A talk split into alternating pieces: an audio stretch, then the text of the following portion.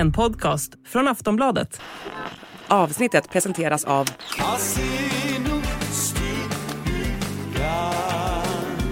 Stödlinjen.se, åldersgräns 18 år.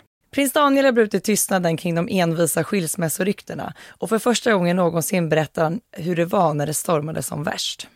Vi kommer även att prata om kronprinsparet Håkon och Mette-Marits stora 50-årsfest och det faktum att Mette-Marits son Marius faktiskt nobbade hela festen. Han gjorde nämligen något helt annat och han har fått massiv kritik för det. Så analyserar vi läget kring förstinnan Charlene som sägs ha övergivit sin familj.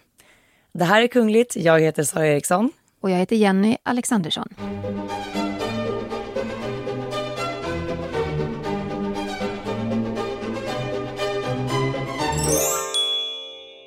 Det är nog ingen som har missat att prins Daniel har pratat om de skilsmässorykten som exploderade vintern 2022. Det började hos eh, skvallersajten Stoppa pressarna. Vi har pratat mycket om det här, Sara. Mm. Och det spred sig som en löpeld. Den här sajten pumpade ut artiklar med obekräftade uppgifter om att Victoria och Daniel då skulle gå skilda vägar. Och ganska snart så hakade fler medier på. Men ingen av de etablerade medierna skrev något, det gjorde inte vi på Aftonbladet heller. För det gick inte att bekräfta några av de här uppgifterna. Och under den här perioden så mötte ju hovet en våg av frågor ifrån journalister. Och trots att de där och då dementerades så lades inte den här vågen av rykten. Utan den blev faktiskt bara allt mer och mer intensiv och den, ja, men den tog aldrig slut. Och det här är någonting som de flesta kändisar och kungligheter drabbas av någon gång. Men sällan av den här graden får man väl ändå säga. Mm. Och sen hände ju någonting unikt. Det är ju så att eh, Kungliga hov, i alla fall i Europa, de brukar inte kommentera rykten och skvaller. Till exempel Storbritannien, de har den här devisen Never explain, never complain. Men Svenska hovet tog ett unikt beslut när man gick ut med en dementi och det gjorde man på sociala medier. Och det som också var unikt det var att avsändarna var Victoria och Daniel direkt. De hade ju skrivit under den här dementin enbart med sina förnamn. Och den lät så här. Det har kommit till vår kännedom att det pågår en omfattande negativ ryktesspridning rörande vår privata relation. Påståenden sprids om svek i relationen och en förestående skilsmässa. I normala fall kommenterar vi inte rykten och spekulationer, men för att värna vår familj så önskar vi klargöra, en gång för alla, att de rykten som nu sprids helt saknar grund. Och enligt Margareta Thorgren, som är HVs informationschef, så dementerade paret där för att värna om familjen. Och ganska så snabbt då så dämpades ju den här ryktesspridningen. Men ingen i kungafamiljen har ju kommenterat de här ryktena fram tills nu. Ja, prins Daniel han blev intervjuad av eh, Karina Bergfeldt för programmet Prins Daniel 50 år. Och för första gången ja, någonsin så berättar han om vad som hände då när det stormade som allra värst. Det var ju ändå så att kronprinsessfamiljens tillvaro den började påverkas negativt på ja, så många sätt. Människor i parets närhet tog kontakt och uttryckte sin oro. Och jag tycker vi lyssnar lite på vad Daniel sa i den här intervjun. Vi har väl sagt att vi inte ska kommentera det mer, att det där liksom, vi stängde den dörren. Liksom, det där var en, vad ska man säga, en elak, falsk ryktnings, ryktesspridning som som vi upplevde fick stora konsekvenser. Mm. Liksom många vänner från olika delar av Sverige och även utomlands hörde av sig. Och, ja, det, det nådde någon slags nivå så vi kände att det här kan vi inte acceptera. Vad tycker du Sara? Det är ju ändå ganska unikt att eh, en prins sitter och pratar på det här viset. Är det bra?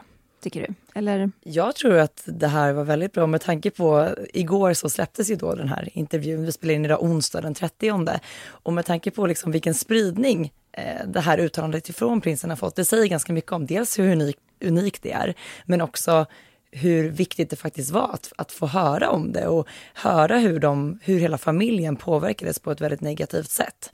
Här sätter ju prinsen verkligen ner foten och tydliggör att det här var någonting som var, det blev så pass stort och så pass intensivt att de var helt enkelt tvungna att göra så här.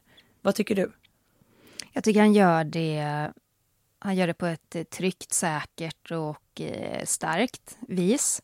Han är ju faktiskt ganska fåordig. Han, det är inte mycket han säger kring det och han börjar ju också med att säga att vi hade beslutat att stänga den här dörren. Mm. Men att han ändå säger ett fåtal saker, till exempel att vänner från Sverige och utomlands hörde av sig till honom eh, och att det blev konsekvenser som de inte kunde acceptera.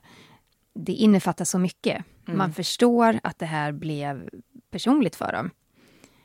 Och eh, att bara säga det med de här korta meningarna, ja, det räcker. Man får en bild av, av situationen och just som du säger, han sätter ner foten och det, det är det han behöver göra. Sen tror jag inte att vi någon gång mer kommer få höra någonting om det här. Jag tror inte att de kommer kommentera det mer, utan det här var det tillfälle de valde. Och apropå just det här med att inte kommentera mer och blicka framåt, det är ju någonting som faktiskt prinsen återkommande säger genom hela den här intervjun på en timme, att han är väldigt så lagd, att han han tittar inte gärna bakåt utan blickar framåt och ser allting som kommer härnäst snarare. Så att det här är nog någonting som familjen själva också vill lägga bakom sig. Mm. Ja, men det tror jag. Och han pratar ju ganska mycket personligt, absolut, men han är aldrig privat. Um, hårfin linje. Det är en hårfin linje.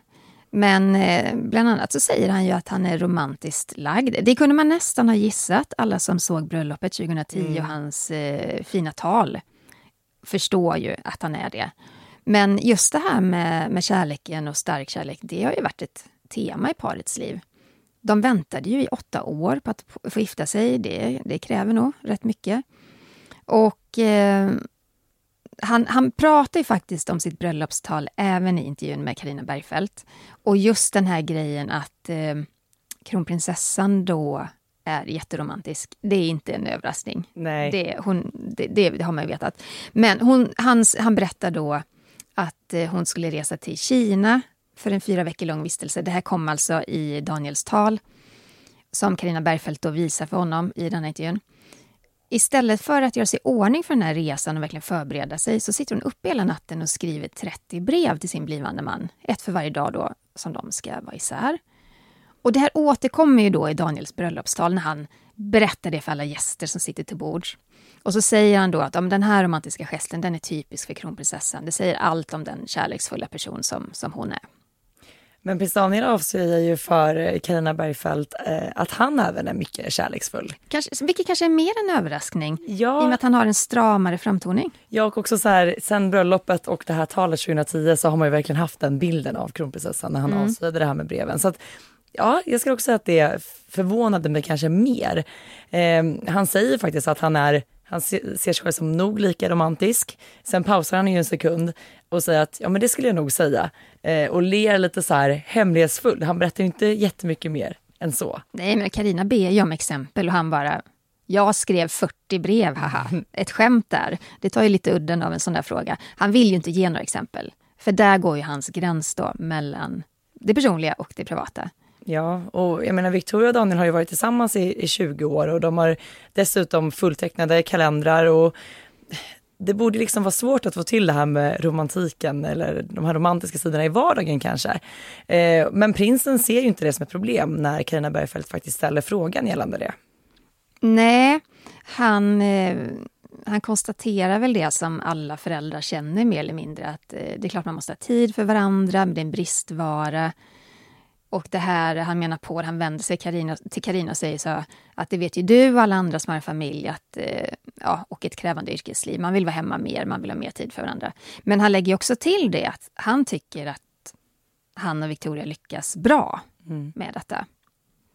Och efter två år som gifta så kom ju första barnet. När prinsessan Estelle föddes 2012 så kände ju prins Daniel att hans känslor var lite som han sa, citat, all over the place.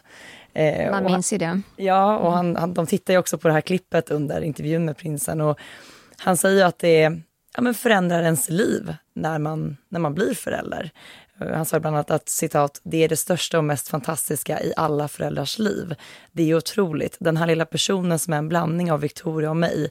Någon som man känner villkorslö villkorslös kärlek till direkt från första stund när hon når dagens första ljus. Det är helt otroligt. Slutcitat.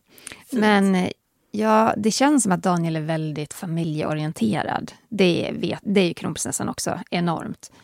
Um, jag tänkte också på det, för att precis när de ska sätta sig ner och göra intervjun på Haga slott så kommer ju faktiskt prins Oscar förbi mm. och säger hej. Då har han varit på något, något fotbollsläger och då säger ju prins Daniel det att åh vad bra att du, att du tittade förbi och sa hej, då blir jag lugn av din energi eller något sådant sa han. Så att, mm. ja men verkligen. Men det kommer ju fram eh, lite andra grejer i den här intervjun också. Karina har ju också då fått eh, ställa någon fråga till kronprinsessan och hon beskriver sin man. Jag tycker vi lyssnar på det. Jag har ju haft en fantastisk tur att överhuvudtaget träffa någon som vill dela det här engagemanget som jag har. Och att träffa då en person som också vill vara med på den resan och finnas som ett stöd. Men också som med liv och lust och hela sig själv går in så genuint för sin nya roll. Han har ett lätt sätt att ta människor på. Till mig så har han ju inneburit oerhört mycket, inte bara det att han är min man och eh, pappa till våra barn, utan också som eh, min närmsta arbetskollega och stöd. Absolut. Det är ju väldigt... En sak med här intervjuer det är att det är väldigt tillrättalagt. Och eh, det är klart att eh, de som intervjuas de har liksom hunnit tänka igenom frågor och så vidare. Och så där. Men eh, även om det är tillrättalagt så tycker jag ändå att det är, det är fint att de delar med sig. Ja, men jag tänkte på just den här delen när kronprinsessan säger det, just så här att, att träffa en person som också vill vara med på den här resan. Mm. Det är ju inte helt självklart att vilja ge sig in i det kungliga livet. Och allt Nej. vad det innebär. Nej, och att man kan matcha sin partner och det är ju så att kronprinsessan, hon är ju den som ska stå längst fram i strålkastarljuset. Daniel får ju på något sätt eh, stå där bakom. Visst, han kan ju utveckla sina, sin kungliga plattform med entreprenörskap och, och liksom friskvård och rörelse för unga och sådär. Men det är ju en speciell roll. Och i vårt eh, samhälle där det är kanske inte alla män som kan tycka om den rollen. Men han verkar ju ändå, eller han säger i alla fall, han, han säger i alla fall att han ja. ja, gillar det. Det är ju någonting som man också kommenterar, eh, just det här med hur, hur han har fått utforma sin roll och allting. Vi kan väl lyssna lite på vad han, vad han svarade på den frågan. De flesta vill ju höra och se Victoria och, och jag mår bra av det och jag tycker att hon är fantastisk och hon, hon har en sån fin connection med människor och ser människor och får människor att må bra och jag går bakom och njuter och försöker bidra förstås men att jag har inget problem att se min roll och min situation i det hela. Jag tänker spontant att vad annat ska han säga? Ja, det är svårt. Såklart. Eh, men, men jag tror också att det ligger någonting genuint i det där. Eh, av det, jag har ändå bevakat kungafamiljen i 20 år och jag menar, det jag sett genom åren av Daniel är att han har inget stort behov av att själv stå där och hävda sig. Och, och, kanske är det det som är liksom det hemliga receptet på det här också? Att, att relationer kan funka på det viset att eh, han har ingen önskan att stå framför henne eller på något sätt. Nej. Det är inte som prins Henrik av Danmark till exempel. Prins Philip av, av England som liksom faktiskt hade problem i många år, kanske nästan till hela tiden. Just det att de hela tiden skulle gå bakom sina fruar. Och det handlade om, där var det mycket prestige kring titlar också. Mm. Att prins Henrik var ju förgrymmad över att han inte skulle kunna få titeln kung. Um, och kunde inte se logiken bakom det och de här reglerna bakom det som på något vis. Uh, han pratade öppet om det, han pratade med pressen om det också. Och prins Philip som, uh, han var väl också ganska, ganska öppen kring det, att han var inte riktigt... Han var inte, han var inte heller helt nöjd över det faktum att han inte fick tituleras som kung, utan hela tiden då fick vara prinsen som skulle gå bakom sin fru och att det mm. var drottning Elizabeth som tog plats i alla rum. Eh, det var ju någonting som han också hade problem med under hela deras äktenskap, inte minst i början då. Eh, så här, det är ju en, en enorm skillnad och eh, tur är väl det, 2023. Kan det vara en generationsskillnad? Det tror jag absolut. Ja. Det tror jag. Lite annorlunda att komma in i en kunglig familj nu som man. Ja, ja. verkligen. Men vi fick ju reda på lite annat spännande också. ja. Eh, Prins Daniel han berättade bland annat att han är jätteallergisk mot pollen. Ja. Han, han, gnuggade sig i ögonen och, och liksom tyckte att han var lite rödögd och så vidare. Han eh, föredrar mjölk i kaffet. Mm. Det är spännande. Victoria dricker ju inte kaffe alls. Hon väljer ju te ju. Just det. Men här har vi en kaffedrickande prins med mjölk i. Eh, prins Daniel berättade även att hans första lägenhet i Stockholm hyrde han tillsammans med en kompis. Jag tror han sa i tredje hand va? Ja. I Skanstull. Ja, och eh, grejen är att eh, det är väl ändå lite skönt tycker jag att eh, någon i kungafamiljen har upplevt hur det är med eh, bostadssituationen i Stockholm och, och just det med tredje hand, det är inget ovanligt. Nej, Absolut nej, nej. inte. All, jag tror alla som flyttar hit har, har gjort den eller gör den, det här med att flytta. Jag, alltså, jag, tror, jag vet inte hur många gånger man flyttade. Mm. Var och varannan månad. Ja, och den har även prins Daniel gjort. Eh, han berättar även, vilket jag tycker är lite kul med tanke på hur ofta vi faktiskt får lyssnarfrågor gällande det här med kungligheter och matvanor. Prins Daniel säger att han aldrig brukar avslöja vad, vilken som är hans favoriträtt, för att då skulle han bli serverad det hela tiden. Ja, mycket logiskt. Ja. Mm. Ja, men det var väldigt kul tycker jag att se prins Daniel i den här typen av intervju och man har ju då gjort den inför prinsens 50-årsdag som krockar helt och hållet med kungens eh, tronjubileum den 15 september. Vill ni se den så kan ni gå in på SVT Play. Den heter Prins Daniel 50 år.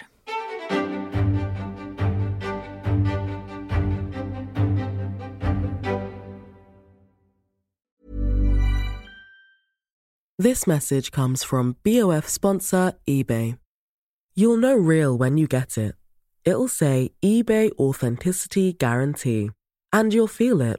Maybe it's a head turning handbag, a watch that says it all, jewelry that makes you look like the gem, or sneakers and streetwear so fresh every step feels fly. eBay gets it. So look for the blue check mark next to that thing you love and be confident that every inch, stitch, sole, and logo is checked by experts. With eBay Authenticity Guarantee, you can trust that feeling of real is always in reach. Ensure your next purchase is the real deal. Visit eBay.com for terms. Kronprinsessan Mette-Marit och kronprins Håkon av Norge, de har gjort någonting väldigt speciellt. För första gången i eh, den kungafamiljens historia så har de haft en bakgårdsfest. Låter trevligt. Ja, det, jag har sett bilderna, såg jättetrevligt ut. Man hade dukat upp massor med bord på slottets bakgård, man hade spänt upp stora segeldukar för att skydda mot regn. Och det här handlade om att Håkon och Mette-Marit har fyllt 50 år. Mm. Så de ville bjuda in massa gäster då till en eh, unik fest. Och man hade valt då datumet 25 augusti för att det är då parets bröllopsdag.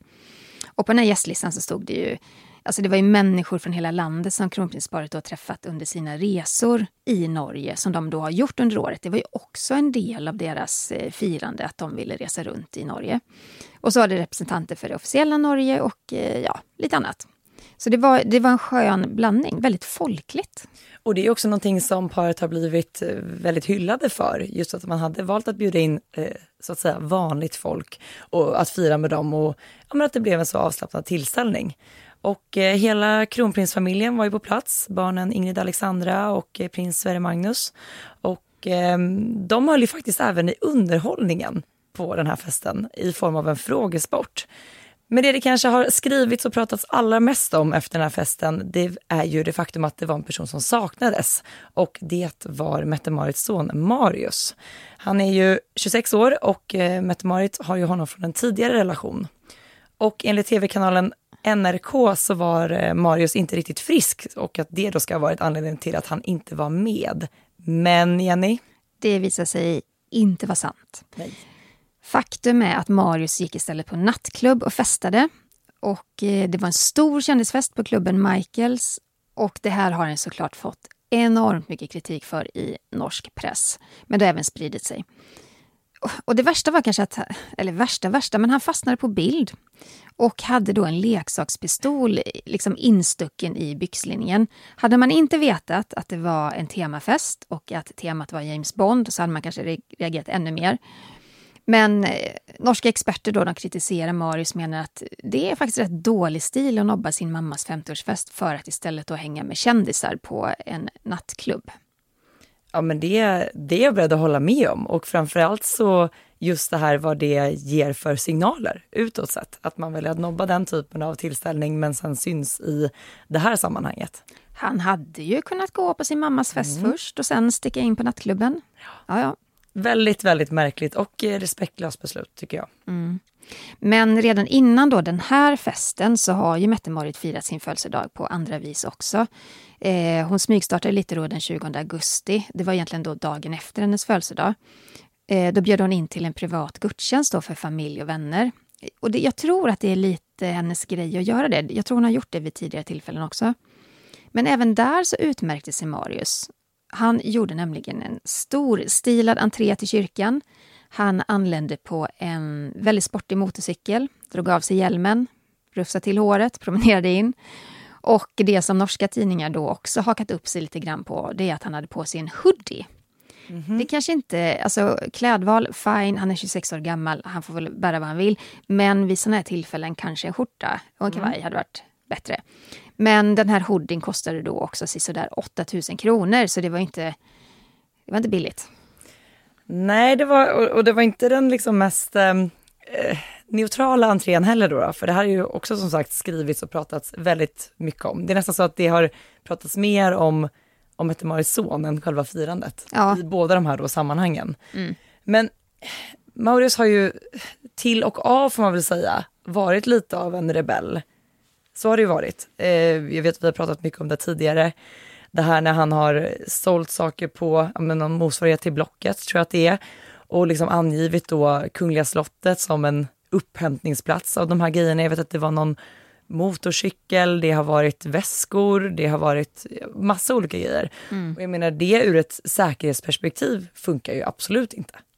Nej, det gör det ju inte och kanske inte heller att man ska säga, profitera på kungahuset på något sätt. Men eh, det är svårt att veta ingen av oss känner Marius eller familjen på det viset, men det är klart att det kanske inte är jättelätt att vara den här sonen i familjen som inte har en kunglig titel men som ändå på något vis måste ingå i det här sammanhanget. Han har inte valt det på något vis.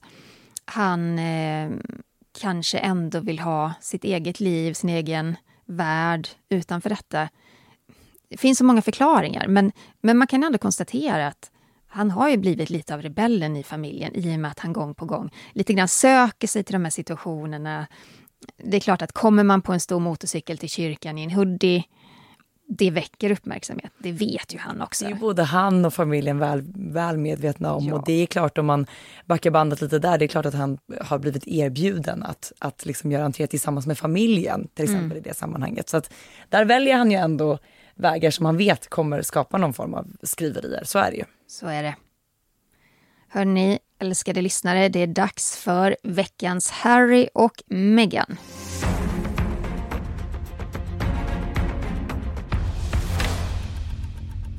Ja, det rapporteras ju nu mycket om att Meghan återvänt till sociala medier med sitt då första personliga konto sedan hon stängde ner sin blogg, Instagram och Twitterkonto när hon träffade prins Harry. Ja, det skrivs ju mycket just nu om att Meghan har då eh, gjort en plan för hur hon ska då återuppta sin närvaro på sociala medier. Eh, innan hon träffade Harry så hade hon en blogg som hette The Tig. Hon hade ett eh, Instagramkonto under namnet Meghan Markle och hon var ju ganska frikostig med att dela med sig av personliga saker från sitt liv. Det var ju mycket fokus på det här med skådespeleriet och, och filmandet och sådär. Men såklart då när det blev seriöst med prinsen så stängde hon ju ner de här kanalerna. Och sen så öppnade ju paret istället då tillsammans ett Instagramkonto som, eh, som fortfarande finns. Det heter Sussex Royal. Men det har ju inte uppdaterats sedan mars 2020 då de valde att lämna kungahuset. Mm. Eh, Meghan har ju en ny PR-agent. Han heter Ari Emanuel. Han beskrivs ofta som en superagent. Han är en av de mest inflytelserika i Hollywood. Och kanske är även han en anledning till att Meghan eventuellt kommer göra comeback då på Instagram konto som det skrivs mycket om nu heter kort och gott Meggan. Det följs i detta nu redan av 118 000 följare, så det är många som har fått nys på det. Den här användaren har publicerat noll inlägg, följer noll konton tillbaka. Så det känns mer som att någon har mutat in namnet Meggan på Instagram. Ja, för jag menar det, det är som sagt ett nytt konto och ändå lyckas ta det namnet, vilket också spär på att man faktiskt tror att det är Megan som ligger bakom det, att man på något sätt kanske har fått hjälp ifrån Instagram att mm. skapa den här användaren. En av följarna till kontot är Mandana Dayani som tidigare då arbetade med, med Meghan och som även medverkade i parets Netflix-serie. Och det gör ju också att ännu fler tror att men det, det måste vara Meghan som ligger bakom. Varför skulle Dayani annars följa det här kontot, ett helt anonymt Meghan-konto? Ja men exakt. Jag tror också det profilbilden just nu är någon form av blomma. Eller så, här, så det är ju väldigt så här anonymt, man har ingen aning om det är hon eller inte. Nej. Men om Meghan önskar att komma tillbaka liksom till, till den här världen, Instagram, så skulle hon ju säkerligen kunna göra en väldigt bra karriär som influencer. Eh, skulle även kunna bli en bra, bra plattform för henne då att styra och dela och informera om hennes och Harrys ja, men, välgörenhetsarbete och kommande projekt. Ja, i och med att hon och prinsen inte längre är en del av det brittiska kungahuset.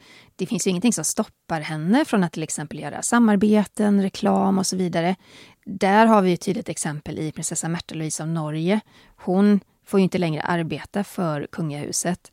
Eh, mycket på grund av att hon innan hon klev ur därifrån eh, tjänade pengar på, sitt kung, på sin kungliga status. Och där blev det, ju, blev det ju kalla handen från kungen och kronprinsen.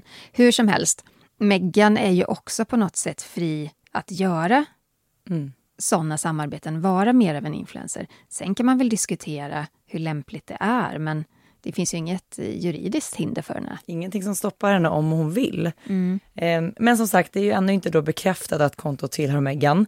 Men det som också liksom adderar att man tror det, det är att hon i en intervju med The Cut i augusti 2022 så sa hon ju faktiskt så här, citat, vill du veta en hemlighet? Jag är tillbaka på Instagram, slutcitat. Mm.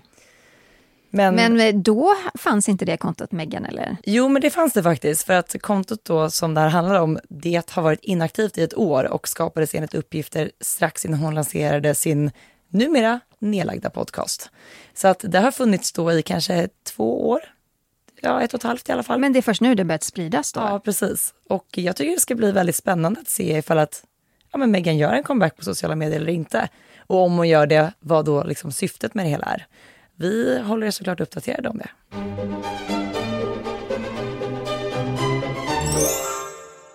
Brittiska kungafamiljen har ju en av de största juvelsamlingarna i världen. Det är diadem, det är broscher, det är en eh, kilovis med vackra saker. Men ett smycke som många känner igen, det är ringen som prins Charles friade till Diana med. Den är väldigt speciell. Den har en 18 karats safir som är omringad av diamanter. Och idag är det Kate som bär ringen efter att eh, prins William då friade med den till Kate 2010. Ja, men nu har det då framkommit att det faktiskt var prins Harry som önskade ärva ringen efter sin mamma och att det faktiskt var han som gjorde det. Det är ju Dianas tidigare butler Paul Burrell som avslöjar det. Efter Dianas död 1997 så lät då prins Charles sönerna välja en specifik sak från hennes smyckesamling som de skulle få behålla. Eh, och Paul säger då att det var Harry som var den som ursprungligen bad om hennes förlovningsring och att William ska då istället ha valt en Cartier-klocka. Och I dokumentären The Diana Story så berättar Paul att eh, William ska ha sagt då att han önskade ärva den här klockan. Det var en klocka som Diana fått av sin pappa i 21-årspresent. Och prins Harry ska då ha uttryckt att eh, Dianas ring hade ett väldigt stort emotionellt värde för honom. Han ska ha sagt så här citat. Jag minns när jag höll mammas hand när jag var liten och den ringen gjorde alltid ont att hålla i för den var så stor. Oj, det skär lite i hjärtat ändå. Mm. Och det var ju då prins Harry som fick ärva ringen efter mamma Diana. Men sen kom då dagen då storbror William skulle fria till Kate. Och Paul berättar att Harry då ska ha sagt att han tyckte att det var passande att använda mamma Dianas ring och att William då tacksamt tog emot den. Ja, enligt Paul så såg Harry ett fint symboliskt värde i att ringen då ja, men en dag skulle vara så nära kopplad till den brittiska tronen och den skulle finnas med där hela tiden. Och eh, Paul Burrell då, eh, Dianas tidigare butler, han, han beskriver den här gesten då från Harry att den, den var osjälvisk och vänlig, precis som Diana själv var. Och trots att Harry gav bort den fina ringen så han kunde ju välja en, eh, ändå välja en förlovningsring till sin blivande fru Meghan, som också hade kopplingar till Diana. Det är nämligen så att i den här ringen som Harry designade då till Meghan, så två av de här diamanterna kommer från Dianas samling. Jag tror den stora diamanten är, kommer från Botswana. Ja, precis. Eh, ett land då som betyder mycket för paret. Men Sara, den här ringen har ju, den har ju fått så stort eh, symbolvärde. Man ser den på bilder överallt. Ville verkligen Harry ge bort den? Det är ju frågan och man pratar mycket om att faktiskt prins William stal ringen ifrån Harry. Eh, och det är ju, jag menar det här är eh, Dianas tidigare butler som berättar om det här. Så att vi har ju aldrig fått höra liksom prins William eller prins Harry kommentera hur det faktiskt gick till när den här ringen helt plötsligt gick vidare till storebrorsan. Nej, nej det där är, det är ju ett dilemma. Man får väl hoppas bara att bröderna verkligen var överens om det där för att det, det, är såklart inte kul om Harry sen går runt och tänker att attans, varför erbjöd jag det här? Att det, att det känns som en stöld. Nej, nej, det får man verkligen inte hoppas.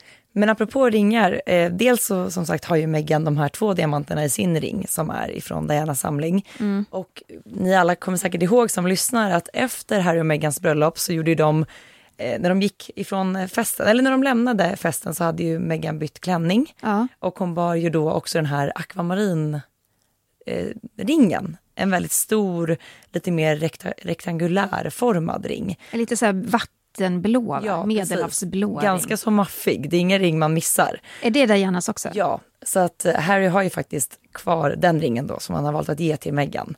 Så han har inte varit helt ringlös ifrån sin mamma i alla fall. Nej, Nej jag förstår. Bra ändå. Ja men det här med smycken, eh, kungliga smycken är ju intressant att prata om och det är ju verkligen någonting som kan ja, men, bidrar till väldigt mycket känslor och man har ju hört flera andra kungafamiljer där man har blivit väldigt oense gällande just vem som faktiskt ska ärva ett visst smycke eller diadem eller vad det nu är. Så att, ja, spännande.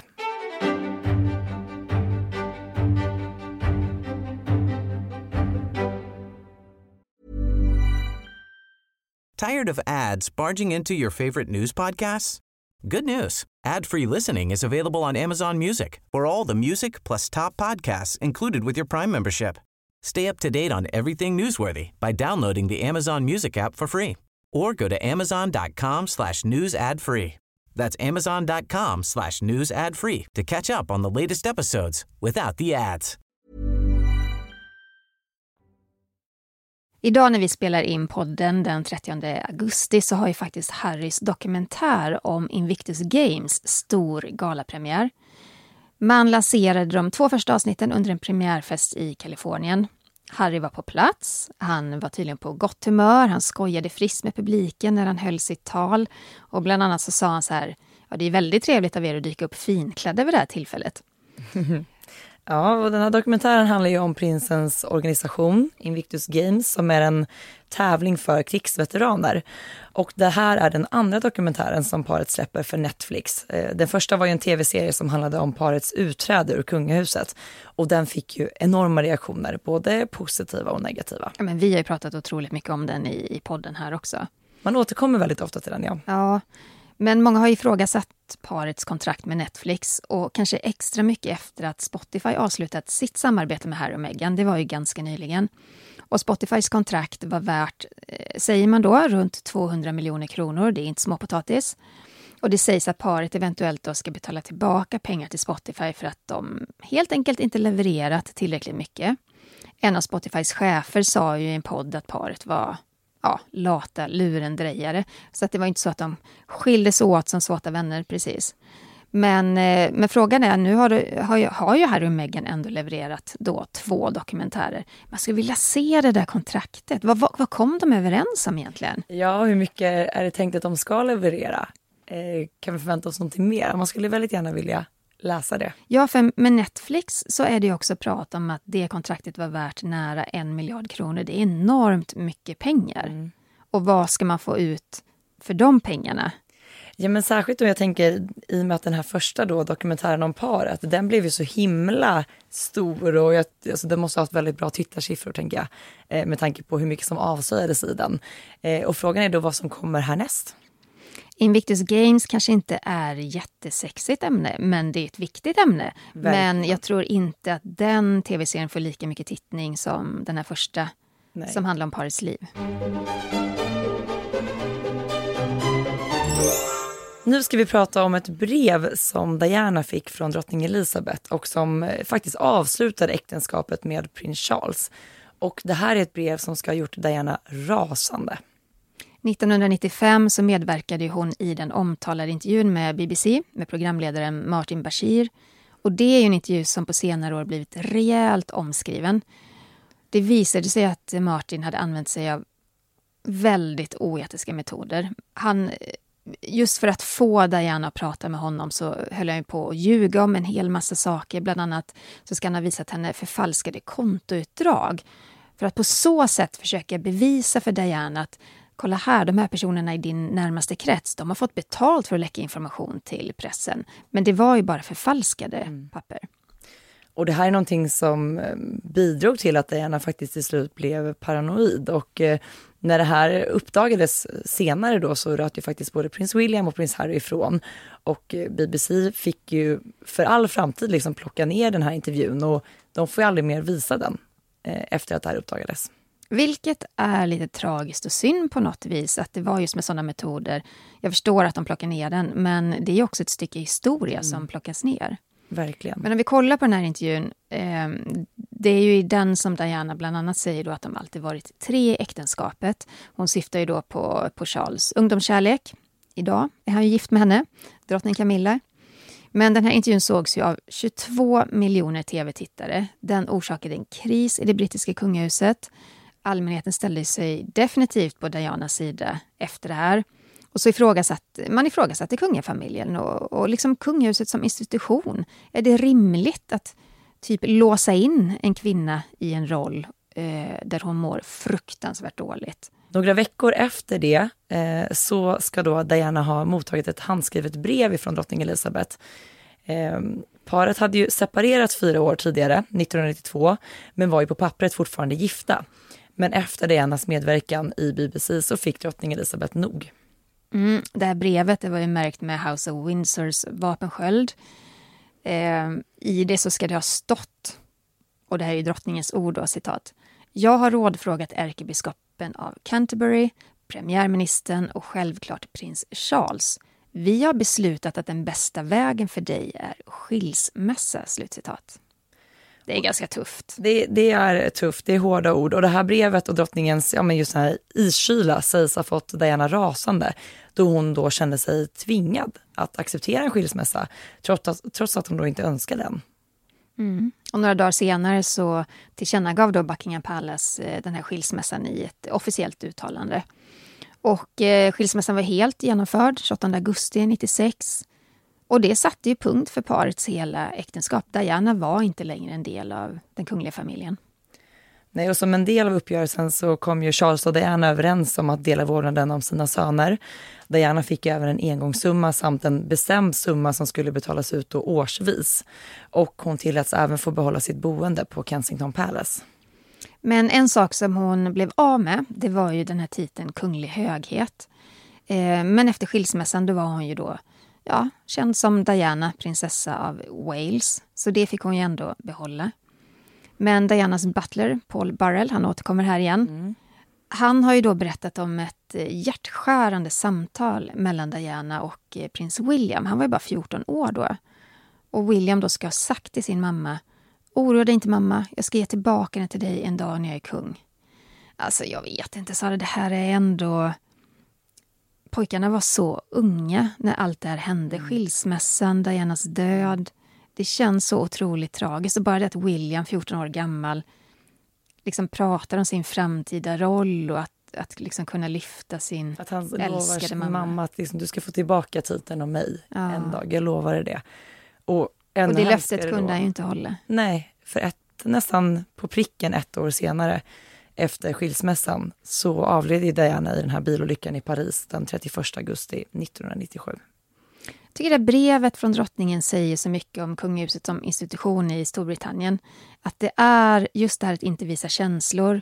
Absolut inte att drottningen skulle lyfta luren och ha ett långt samtal med Diana eller ens träffa henne öga mot öga utan skriver ett kallt brev det är ganska talande för hur man hanterade relationer, skandaler, kontroverser inom den här familjen. Mm, verkligen. Och vi har ju spelat, tidigare spelat in flera avsnitt om Diana som du hittar i vårt poddarkiv. Det finns ett avsnitt från 2020 som heter Prinsessan Dianas död. Och vi har även spelat in ett avsnitt från 2021 som heter Nya avslöjanden om prinsessan Diana. En annan kvinna i ett kungahus som också mår eller har mått mycket dåligt, det är ju förstinnan Charlene av Monaco. Hon är 45 år gammal idag.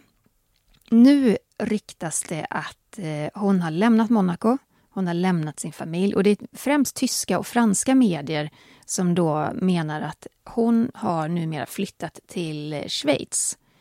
Och hon träffar endast sin man vid officiella tillställningar. Och att det här på något sätt ska vara definitivt. Det har tidigare gått rykten om att hon då bor hitan och ditan och utanför palatset och sådär. Men eh, att det här ska vara definitivt. Och rykten kring det här paret, det är ju faktiskt inget nytt. För ända sedan deras bröllop 2011 så, så har de ju liksom konstant nästan omringas av olika typer av skilsmässorykten och att de inte ska vara lyckliga tillsammans. Och, ja, men det finns ju många som hävdar att hon redan precis innan bröllopet faktiskt flydde därifrån och inte ville gifta sig med honom. Så det har ju varit många olika turer om paret. Mm. Ja, men jag kommer ihåg jag blev uppringd av en, en fransk eh, journalist. Och det måste ju vara, de gifte sig 2011 ja. Mm. Eh, som, som bara sa till mig så här, ja men bara så du vet, det kan vara bra information för dig också, att idag så har eh, fransk polis tagit eh, Charlene i, vid flygplatsen. Hon har försökt att lämna inför bröllopet. De Dagen har, innan bröllopet? Nej, men ja, men det var två dagar innan. Jag kommer ja. inte ihåg, men det var innan. Och att de hade beslagtagit hennes eh, pass. Eh, men det här kämpade ju hovet i Monaco våldsamt emot. Eh, tidningens uppgifter då om att eh, Charlene hade fått reda på att hennes make hade ytterligare ett barn utanför äktenskapet och att det ska varit då orsaken till att hon inte vill gifta sig med honom längre. Men eh, det man också kan se, det är då att efter vigseln så gråter Charlene när hon lämnar kyrkan. Ja, och det här är någonting som hon själv då förnekat. För många hävdar ju då att det här handlar om att hon var olycklig. Att hon mm. helt enkelt inte var glad över att hon precis hade sagt ja. Men eh, hon har ju då sagt att, eller förklarat de här tårarna som att hon blev väldigt så här överväldigad och att det var alltså mycket blandade känslor också kanske på grund av alla de här ryktena. Mm. Nej, men hon säger ju då i en av de här intervjuerna att uppenbarligen byggdes spänningen upp, jag brast ut i gråt och så grät jag lite till för jag tänkte, åh nej, nu har hela världen sett mig gråta. Ja, men vi pratade ju faktiskt om de här ryktena redan förra året och det var en hel del skriverier och var, är det två år sedan nu som Charlene blev fast i Sydafrika också och inte träffade sin familj på väldigt länge? Ja, men hon har ju kämpat med sin hälsa otroligt mycket. Ja, 2021 så fick hon ju då den här bihåleinflammationen. Hon hade rest till Sydafrika för att jobba med sin välgörenhetsorganisation. Eh, det var någonting med noshörningar och att rädda dem. Eh, hon blev sjuk där nere och blev så pass dålig och fick så mycket infektioner så att hon genomgick ett par eh, alltså operationer där nere. Det blev sammanlagt nästan tio månader då som hon var utan sin man och sina barn. Och det här var ju under pandemin också. Och det man har förklarat det med är ju att när man då har haft en sån här bihåleinflammation eller har en pågående och gjort de här operationerna, då ska man inte flyga därför att det trycket i kabinen kan göra att man blir otroligt dålig. Men redan där så startade det ändå, även om man då förstod och hovet bekräftade just det här att hon var sjuk och hon var ju också det. Mm. Men just det här faktumet att hon var utan sin man och sina barn i hela tio månader. Eh, någonstans där var det liksom ett ytterligare så startskott för att det är någonting som inte står rätt till. Mm. Och sen, sen dess har det faktiskt pågått ganska mycket. Ja, för när hon väl kom hem, det var i december 2021, då landade hon ju i Monaco, Monaco igen. Eh, jag kommer ihåg de här glada bilderna man såg eh, med henne tillsammans i familjen. Det, det är klart man lade märke till att hon var väldigt mager. Hon såg inte frisk ut. Och det var bara ett par dagar senare så kom ju det här eh, beskedet då från hovet i Monaco att Charlene hade lagts in då på en privatklinik i Schweiz. Och det var en privatklinik då eh, alltså de, hade, de var specialiserade på mental ohälsa och beroendeproblematik. Och enligt hovet lades hon in för utmattning både mentalt och fysiskt. Men i och med den här ryktesspridningen då gällande parets relation så först Albert klargjorde ju liksom i franska medier att förstinnans frånvaro inte handlade om att äktenskapet var i gungning. Nej, han var väldigt bestämd. Ja, väldigt ja. bestämd och tydlig. Eh, nej, men han menar bland annat på att eh, det är inte problem mellan man och hustru, det är problem av en annan natur då. Eh, sen är det ju alltid svårt. Alltså jag tycker att först Albert, han är... Han är ju ofta ganska öppen. Han har en relation med medier i Monaco och Frankrike som är mer... Det är ofta så samtal, alltså de kan bolla saker. Han kan vara ganska personlig och öppen. Sen är det svårt att stänga den dörren, speciellt då när det handlar om så här hälsofrågor. För att mm. har han en gång nämnt sin frus hälsa så, så ställs det frågor kring det. Och sen är det också så att eh, Charlines svägerska, eh, Chantelle Wittstock, hon blev också intervjuad. Eh, hon är väl inte lika medievan, men, men hon var ganska öppenhjärtig då och berättade, tror jag för Daily Mail, att eh, förstinnan då i framtiden troligtvis kommer att bo utanför Grimaldipalatset. Hon pratade om en lägenhet med två sovrum då, några kvarter ifrån palatset. Och eh, Chantelle Wittstock menade då att ja, beroende på var Charlene känner sig mest bekväm så kommer hon att välja att sova över eller bo där. Mm. Så det är ju också folk i hennes innersta krets som också på något vis bekräftar att det är inte ett vanligt äktenskap. De verkar inte dela sovrum. Och de verkar heller inte bo särskilt ofta tillsammans. Nej. Och nu då så påstås alltså att det är Schweiz som blivit hennes hemmabas numera. Mm. Det är ju också lite krångligt. krångligt. Jag tänker liksom med barnen där. Mm. Barnen ska ju fostras till, i alla fall eh, Jacques då, eh, äldsta barnet där, att, bli, att ta, ta över eh, statschefsjobbet en dag. Barnen är ju på palatset, de bor ju i palatset. Mm. Och ska Charlene då pendla varannan vecka? Och, ja, det blir extra krångligt, tänker jag, för en kunglig familj att lösa de här mm. problemen. Verkligen. Vi har fått en lyssnarfråga från en eh, norsk lyssnare som heter Lill. Och hon skriver så här. Ehm, jag undrar om det finns förväntningar på en kunglighet att leva resten av livet ensam om eh, dess partner har dött tidigt. Jag tänker speciellt då på kungligheter som eh, ja, men kronprins eller kronprinsessa, kung eller drottning. Eh, Gud förbjude, men om prins Daniel skulle, skulle dö tidigare på grund av sjukdom eller någonting annat förväntas det att kronprinsessan Victoria ska leva resten av livet själv. Har det skett något liknande i historien bland de kungliga? Nej, men såklart inte. Eh, självklart förväntas ju inte kungligheten leva ensam resten av livet. Och eh, som svar på frågan om det han tidigare i historien så Gustav den sjätte var ju först tillsammans med eh, Margareta av Storbritannien eh, som var kronprinsessa i Sverige. Och efter hennes död så gifte han ju sedan om sig med eh, drottning Louise, eller hon kom att bli drottning Louise. Så att det har hänt tidigare, att man helt enkelt träffar någon ny efter en sådan tragisk incident.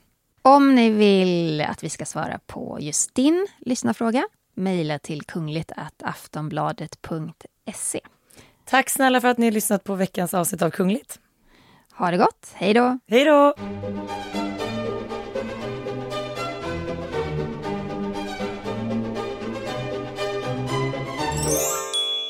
Du har lyssnat på en podcast från Aftonbladet. Ansvarig utgivare är Lena K Samuelsson. Tired of ads barging into your favorite news podcasts? Good news. Ad-free listening is available on Amazon Music. For all the music plus top podcasts included with your Prime membership. Stay up to date on everything newsworthy by downloading the Amazon Music app for free or go to amazon.com slash news ad free. That's amazon.com slash news ad free to catch up on the latest episodes without the ads.